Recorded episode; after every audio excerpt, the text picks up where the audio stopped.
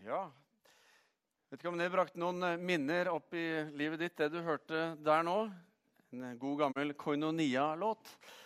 Husker eh, Det var stort å oppleve de live på 80-tallet, på rockegallaer osv. Jeg hørte bare ute i gangen her at de skulle spille den. tenkte jeg, Oi, hvem er det som spiller bass i dag? tenkte jeg.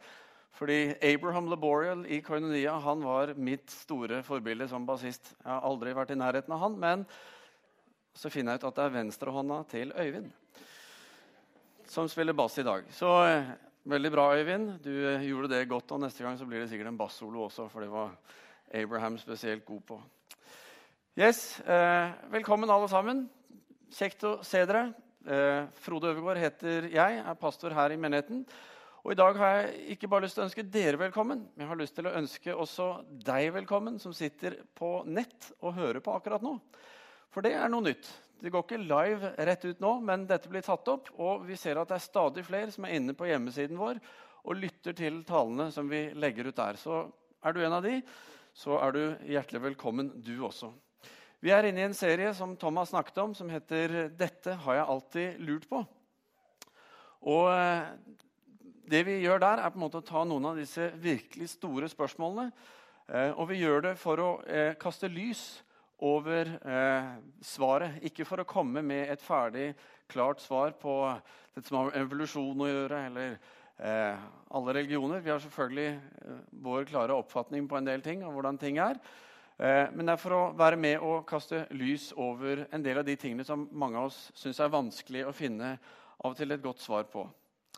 Eh, og I dag så er det altså er alle religioner like? spørsmålet som vi stiller. Og Det kan jo høres ut som et veldig dumt spørsmål. Fordi de fleste av oss ser jo at, eh, og skjønner det at religioner er veldig forskjellige. Men samtidig så er det en slags oppfatning eh, om at eh, det er ikke så farlig hva du tror på, for du kommer til himmelen allikevel. Og vi ser også at det er noe som vokser fram. Eh, om du ser i Norge eh, de siste årene, eller i Vesten generelt, så ser vi at det har vært en sterk fremvekst av eh, interesse for det åndelige og åndelige spørsmål. Du ser det på filmene som kommer fra Hollywood og andre store filmskapere. så ser du at Det åndelige blir en stadig større del. Det samme gjelder filmer eh, som går på TV, TV-serier. Eh, du leser i magasiner, på Internett, i bøker. En veldig voksende grad av dette. Men det som er nytt, eh, det er at eh, det er en ny gruppe eh, som vokser opp, som ikke er så opptatt av hvem som sier hva om hva. Altså, de bryr seg ikke om det er kristendommen eller islam eller eh, buddhismen eller eh, scientologene som sier noe om det. De er mer interessert i det som eh, de hører, og som de liker fra de forskjellige stedene. Og, eh, det av, og Dette gjelder spesielt eh, blant den generasjonen som er under 30 år. Så ser vi at dette vokser fram. Og i, de kalles for nuns, altså ingens rett og slett, hvis vi skulle oversatt det. Og de er en gruppe som er religiøse, men de identifiserer seg ikke med noen religion, noen religiøs gruppe. Eh, så Vi kaller det ikke ingens, sånn jeg kjenner til her, men det er jo det som ville vært eh, si, oversettelsen da, direkte. Fordi de tilhører ingen. Eh, og så er det viktig at vi ikke forveksler nuns med nuns, som er jo nonner. Det er ikke nonner vi snakker om her. De eh, har en bra plass. Det går bra. Eh, men disse nonsene de er åndelig interessert. Og eh, det de gjør, er at de tar for seg av en åndelig buffé. Hvor de henter litt av hvert fra der det passer, sånn de ønsker det. Eh, de ikke, og de er ikke som sagt opptatt av hvilken religion. Og Det har gitt en sånn fornyet vekst til denne forestillingen med at alle veier fører til himmelen. At det er ikke så farlig hva du tror på, bare du tror, f.eks. Og kanskje da også det at alle religioner egentlig dypest da sett er like. Men er det sant? Er det sant at alle religioner er like? Vel, Jesus, eh, som vi bekjenner, som vi tror på, han var klar på at det ikke var det. I Johannes 14, 6, så sier han, 'Jeg er veien, sannheten og livet'. Ingen kommer til Far uten ved meg. Og I Matteus 7 så sa han også, 'Gå inn gjennom den trange porten'. For vi er porten, og bred er veien som fører til fortapelsen, og mange er de som går inn gjennom den. Eh, men trang er den porten, og smal er den veien som leder til livet, sier han. Eh, og få er de som finner den. Så Jesus trodde ikke at alle veier fører til Gud. Han var ganske klar på det. Og Paulus han sier noe til den unge Timoteus, som han skriver et brev til, eh, når han kanskje er litt profetisk og kanskje til og med snakker om vår tid.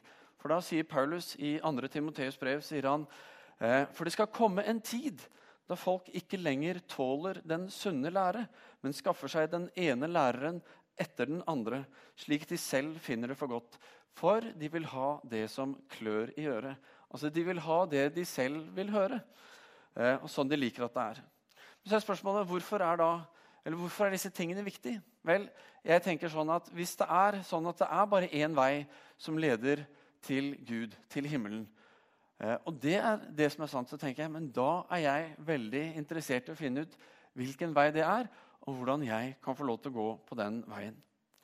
Så det vi skal gjøre i dag, det er å se på de tre største verdensreligionene og sammenligne de på to eh, felt. og Det gjelder synet på Gud og synet på frelse. Og De tre verdensreligionene det er kristendommen, islam og hinduisme. Først har jeg bare lyst til å dele en, eh, noe som skjedde for meg for snart, siden, snart to år siden. Jeg var på en studietur til Minneapolis. Eh, i Amerika sammen med mine gode kollegaer. Og vi besøkte en menighet som heter Eaglebrook Church. Og eh, som en del av det å være i Minneapolis og skulle oppleve noe av det, så ble vi invitert med på en ishockeykamp. Og da snakker vi eh, øverste divisjon, National Hockey League, eh, NHL. Og det var da lokale laget Minnesota Wild som skulle spille mot LA Kings. Og Med oss på den turen hadde vi også en gruppe fra Bryne misjonsmenighet. Ti stykker der. Så vi var eh, en gjeng med rogalendinger som eh, opplevde at ok, vi vet hva hockey er, men dette er stort, dette er nytt. Det var eh, USAs kanskje nyeste, største og beste arena som vi var på. Eh, Excel Energy Center, som det heter. og de hadde plass til 18 000. Men det vi ikke visste, i hvert fall to av oss, det var at Wes Peterson, den kjekke mannen som du ser bilde av her, kanskje, ja, han har vært her. Han, eh, han, hadde noen kontakter skal vi si, der oppe. Han hadde noen høye kontakter. Og eh, det var sånn at under kampen, i pausen eh, da har dere kanskje sett, eh, Sånn er det jo når de går lengdeløp på skøyter. Så kommer disse maskinene ut og kjører, preparerer og glatter ut og gjør isen fin igjen. Og I alle pausene på denne hockeykampen så eh, er det da to maskiner som kommer ut, men så er det en tredje maskin. Men den er ikke ute for å preparere isen. Den er der eh, og har plass til en håndfull mennesker som får lov til å komme liksom ned på isen og være der ute. Og dette er ganske stort der borte. Eh, og det er ganske få som fikk den eh, muligheten til å være der nede i det hele tatt over alle kamper. Eh, for det var visst ikke noe du kunne gå og kjøpe en billett til. Du måtte ha de rette kontaktene for å få dette. Og det som skjedde var at I slutten av første periode så kommer da Wes og henter meg og Jim Foss, som da var pastor i Bryne. Så sa han må dere bli med meg. Og så tar han oss opp og vekk og inn liksom backstage, om du kan si, ned i et sånn sikret område. Så kommer vi helt ned, så står vi ved siden av isen mens de ennå spiller. Og så sier han nå skal dere ut der liksom, og være med på dette. Og, og denne maskinen heter en Samboni. faktisk. Nå skal vi se en liten film som eh, bare gir et lite inntrykk av eh, den dagen. Snurr film. Få litt lyd òg. Det er maur der. Det er maur. Nekk,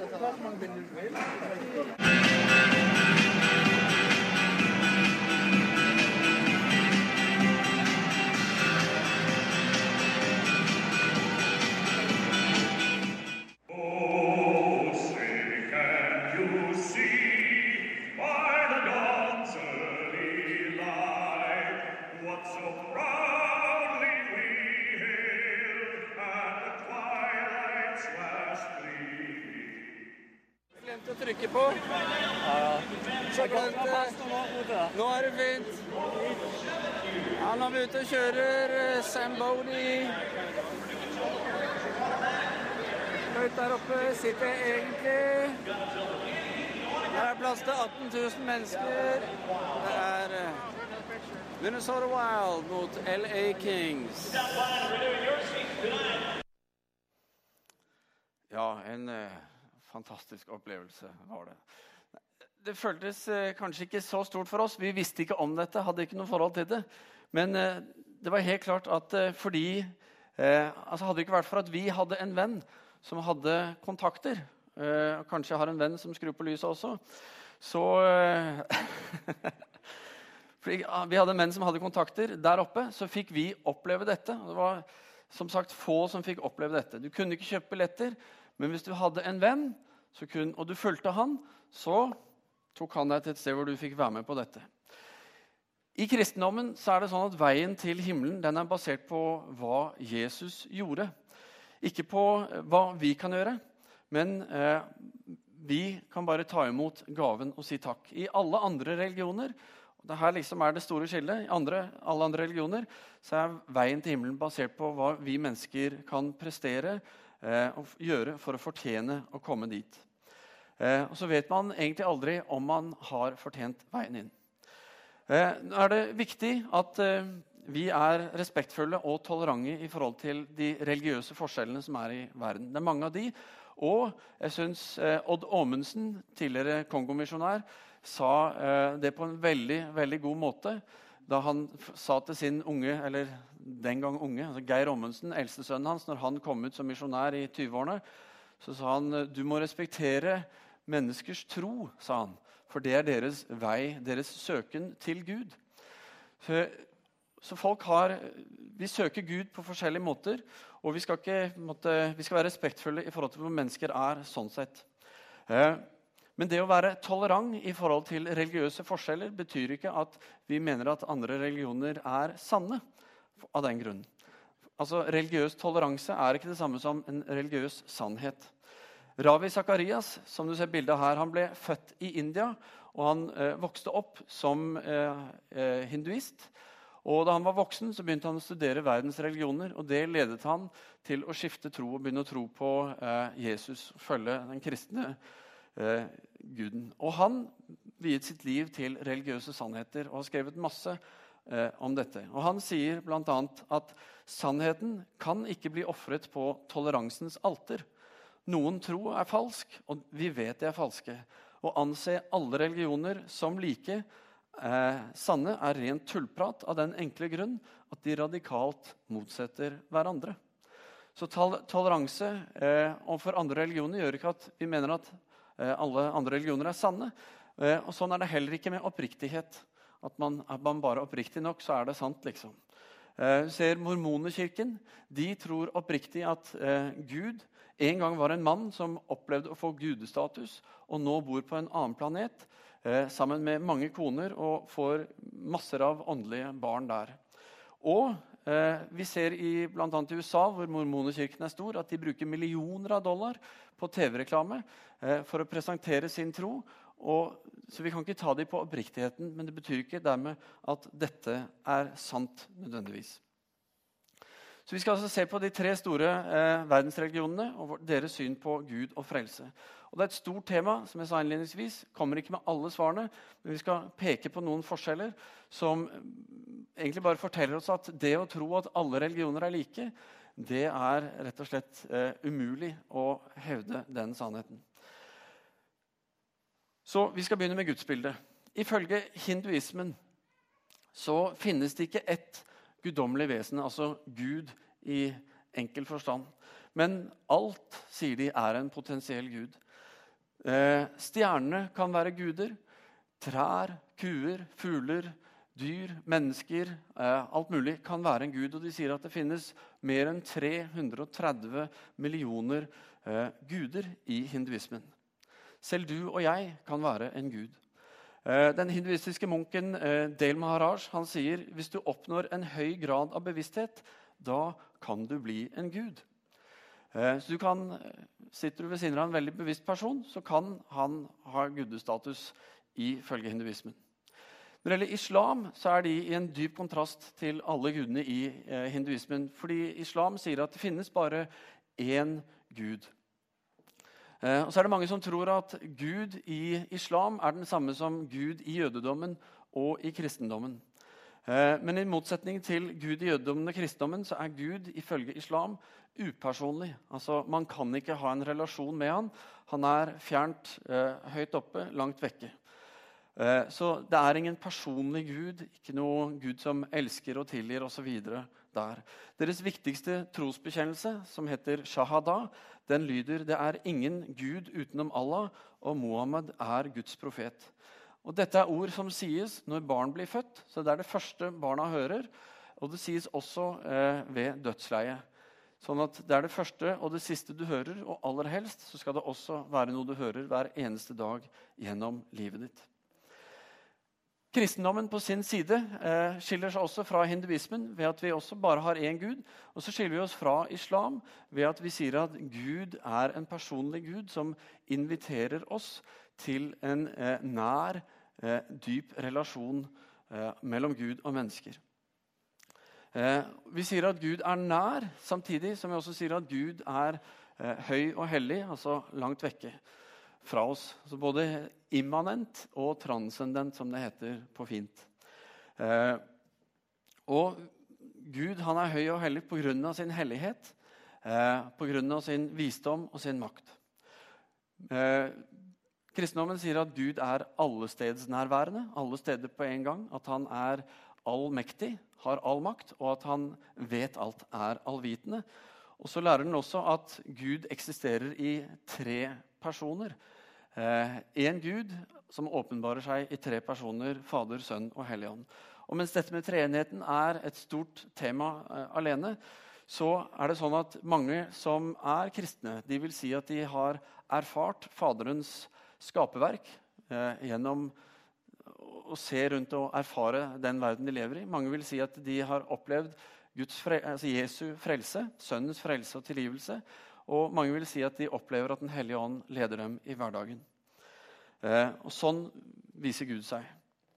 Mange vil si at eh, Gud taler til oss gjennom sitt ord, gjennom Bibelen gjennom Den hellige ånd. Og at han har gitt oss en ny form for kjærlighet, en ny form for glede, en ny form for fred inn i livet. Litt à la det Øyvind fortalte om i stad, som han opplevde at når det var vanskelig, så kom Gud og talte inn i han på den måten. Eh, du kan høre kristne som snakker om eh, Guds overnaturlige visdom, som veileder dem i hverdagen, og hvordan Den hellige ånd minner eh, dem på og oppfordrer dem til å si eller gjøre ting som de ellers ikke ville sagt og gjort. Fortell om hvordan Gud har rett og slett skapt noe nytt i livet deres gjennom å velsigne dem med en ny relasjon eller en jobb, svart bønner eller helbredet på en måte som ikke bare kan forklares ved en tilfeldighet. Bibelen sier at Gud er kjærlighet, og det er mange av oss som har opplevd nettopp den kjærligheten av de som tror på Jesus. Eh, så vi ser at i dyp kontrast til hinduismen og islam så er Gud for kristendommen en personlig, kjærlig, nærværende Gud som deler liv og lever sammen med i hverdagen. Så Hvis vi oppsummerer, så kan vi jo se at allerede på dette som har med Gud å gjøre, og synet på Han, så kan man ikke med integriteten i behold si at alle disse tre religionene er like. Hadde vi tatt med flere religioner i, i sammenligningen, så hadde vi sett at forskjellen var flere og enda større. Så Hvis én av disse tre synene på Gud er sanne, så må nødvendigvis de andre to være feil underforstått. Tar vi en rask sammenligning på dette som har med frelse å gjøre. Eh, hvis du eh, skulle komme til en hinduistisk munk, oppleve at livet virkelig har gått eh, på skakke Du får det ikke til, det er tungt og vanskelig, og du trenger på en måte hjelp. Eh, kanskje til og med frelse vil være et ord du trenger. Altså, men du trenger at Gud griper inn og gjør noe i livet ditt. Da vil hinduismen si det at vel, da får vi håpe at du får nok anledninger til å gjøre gode gjerninger resten av livet ditt. At det vil komme så mye gode gjerninger, og at du får gjort alle de, slik at livsløpet ditt endres. Eh, at du, når du dør, så kan du bli født på ny på et høyere nivå enn der du er i dag. Eh, munken eh, Del Maharaj han sier at eh, hinduer tror på reinkarnasjon som en forlengelse av livet. Før jeg ble født som menneske, hadde jeg tusen av andre fødsler i ulike legemer, sier han. Når jeg dør, så etterlater min livskraft eh, mitt legeme og går inn i en annen kropp og blir gjenfødt. Så min sanne identitet er ikke det du ser eh, her. I min neste fødsel eh, kan jeg gå inn i en lavere skapning, eller jeg kan få en høyere status. Frigjøringen kommer om jeg klarer å stoppe denne syklusen av gjenfødsel og dermed endelig bli skilt fra ethvert legeme, sier han. Så hvordan kan da eh, en hinduist oppleve denne frigjøringen, altså frelse, som vi ville kalt det? Louis Renaud, som er spesialist på hinduismen, han sier det at en hinduist kan oppnå frigjøring eh, nå datt jeg ut, gjennom ytre disipliner. Han kan holde løfter, gi almisser til sine guder. Og hvis den guden han har, fordi det er mange av de, krever det, så er selvpining også en del av denne veien. Men de fleste hinduer, sier eh, Renault, eh, er underlagt en felles skjebne. At de er slaver av sine kjødelige handlinger. De er dømt til å gjen, eh, til å gjen, kontinuerlig bli gjenfødt i lavere tilstand. Til slutt som dyr eller insekter. Fordi man klarer ikke selv å løfte seg opp. Ikke det at det ikke skjer, ifølge hinduismen. For hinduismen så er det ingen himmel. Det er ingen frelse heller. Du er i denne syklusen av reinkarnasjon til enten høyere eller lavere livsformer. Eh, og du har ingen kontroll på hvor du er, når osv. Når det kommer til islam og synet på frelse, så er det klart at der er det noe du må fortjene. Det er noe du må erverve deg gjennom dine gjerninger. Det finnes ingen frelser i en person eller skikkelse. Eh, og det er heller ikke noe sånt som Guds tilgivelse i islam. Du er på egen hånd, og du kan aldri vite sikkert om du har gjort nok for å fortjene å bli frelst eller fortjene å komme til himmelen. Ravi Zakarias sier det at eh, avstanden mellom Gud og mennesket i islam er så stort at man aldri kan komme nær Gud. Eh, og fordi denne distansen er umulig å krysse, er muslimer i en konstant tilstand av strev og repeterende handlinger. Men med alle regler en muslim holder, er det aldri en visshet av himmelen. Altså en sikkerhet om det. Den enkelte skjebne er prisgitt en gud som de ikke kjenner. Så istedenfor å nyte godt av en relasjon med Gud, så er muslimer styrt av regler som, strengt, eh, som er strengt håndhevet, og også mange steder straffet når de blir brutt. Så den eneste måten å tjene himmelen på er å følge strengt det som eh, islam kaller de fem søylene, som er liksom hvordan man skal leve. Og Det er å si trosbekjennelsen, helst hver dag, så shahadan, som vi sa i stad, be fem ganger om dagen, gi almisser, faste 30 dager i forbindelse med ramadan og ha gjennomført en pilegrimsreise til Mekka. Kristendommen på sin side, den, eh, der har du Bibelen, og den lærer oss at eh, du og jeg vi er blitt atskilt fra Gud pga. vår synd. At vi er født med synd, og at vi dermed også eh, gjennom våre, e, vår egen fri vilje, altså våre egne valg, er syndere. Altså vi begår synd. Derfor sier Paulus I Romerne 3 sier han for alle har syndet og mangler Guds herlighet. Og Det gjelder da alle, til og med pastoren i Misjonskirka. Eh, Bibelen sier også at straffen for synd, det er død. I Romerne 6, eh, både en åndelig og fysisk død. I Romerne 6, 23 så sier Paulus syndens lønn er døden. Men Guds nådegave, det er evig liv i Kristus Jesus vår Herre. Fordi Gud har selv i kristendommen tatt straffen på seg, slik at du og jeg kan bli frelst på tross av eh, vår synd og våre gjerninger. Og Derfor sier Johannes i Johannes evangeliet, kapittel 1, vers 12, så sier han men alle som tok imot ham, dem ga han rett til å bli Guds barn, de som tror på hans navn. Så For å oppsummere når alt kommer til alt, så ser vi at eh, uansett hvilken religion du er i, så er vi alle mennesker, mennesker med vår svikt, med våre, våre, mangler, med vår synd. Og at i møte med et, det som har med livet etter døden, et evig liv eller himmelen, eh, så kan vi lett i virvaret av religioner eh, få oss til å tro eller tenke at eh, alle veier fører til himmelen. Men i dag har vi sett at eh, slik tenker ikke de tre største religionene i verden.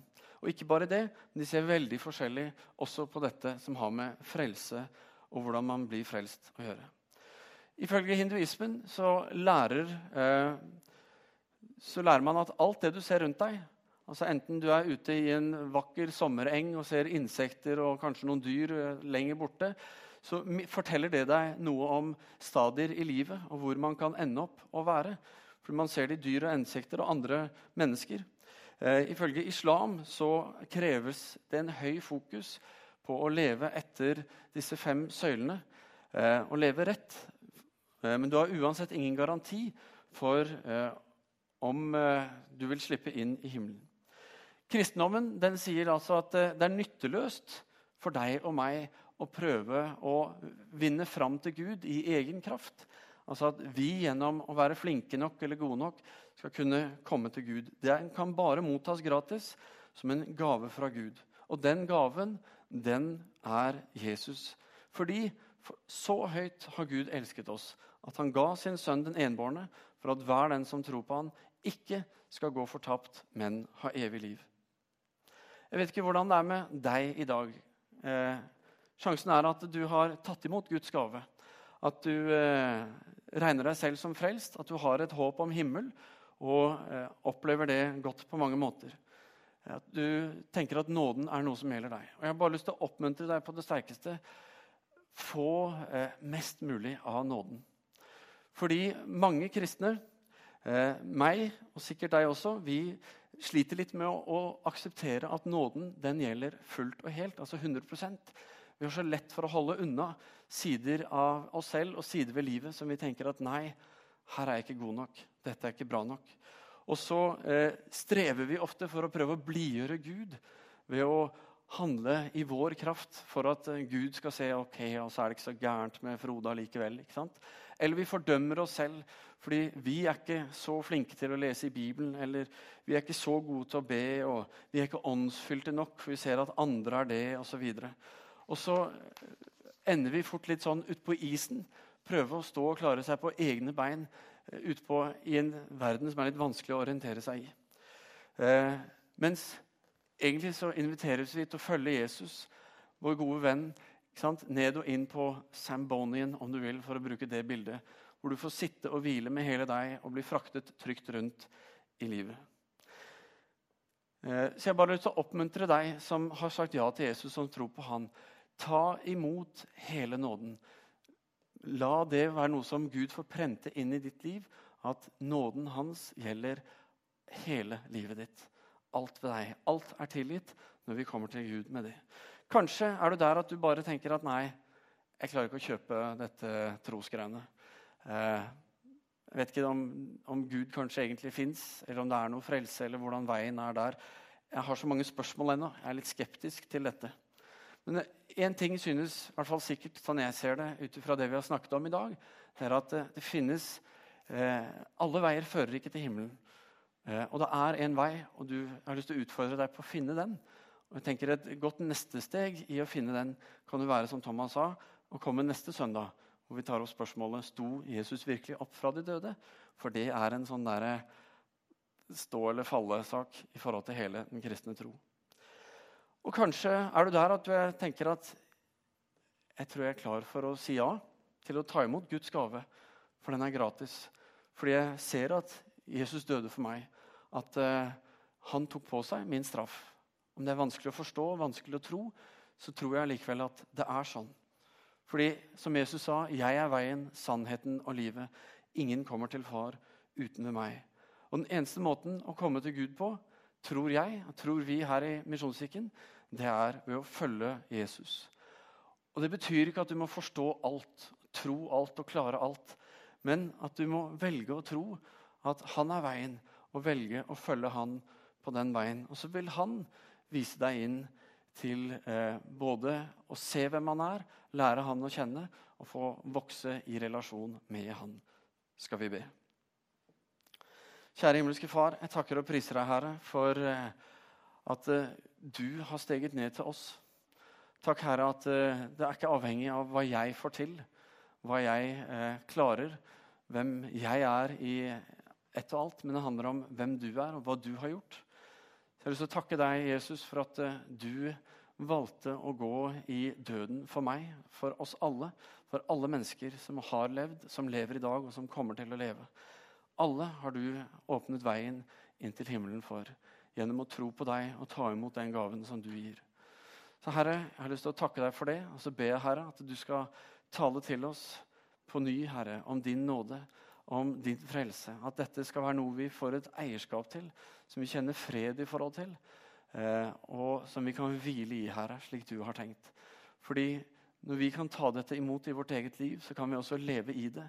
Og når vi får leve i det, Herre, så tror vi også at vi får lov til å være med å formidle dette videre på en sann, troverdig og relevant måte til de menneskene som du har satt rundt oss, Herre. Takk, Jesus, for den du er. Takk for det du har gjort i mitt liv. Takk for det du har gjort for verden. Det ber vi om, og vi takker deg i Jesu navn. Amen. Da skal Leif Roger synge en uh, solosang for oss. Og uh, kommer teksten opp? For deg som uh, har lyst til å følge med på teksten, så kommer den opp på veggen bak. Ta imot. Vær så god.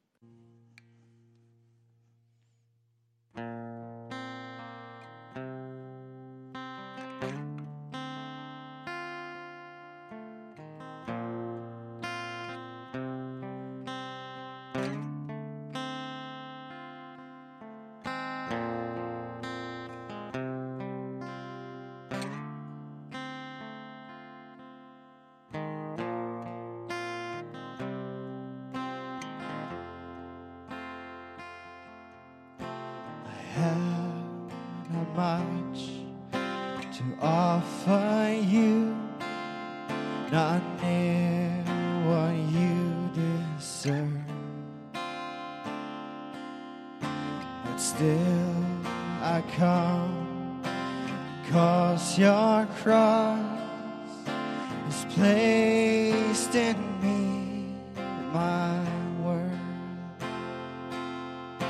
Oh Christ, my King of sympathy, once secure at peace. Your grace extends to call me friend. Your mercy sets me I know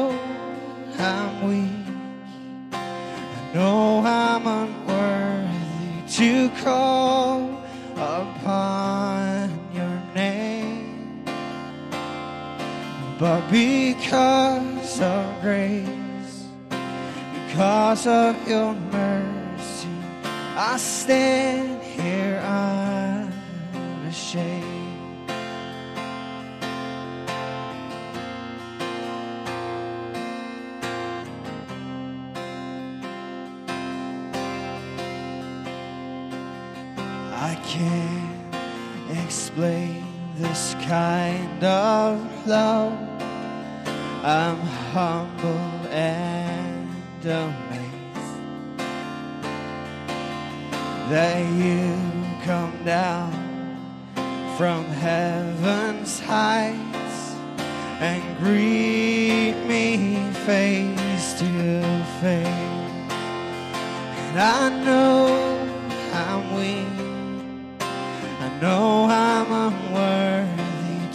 call upon your name. But it's because of grace, because of your mercy, I stand here unashamed. And I know I'm weak. I know I'm unworthy to call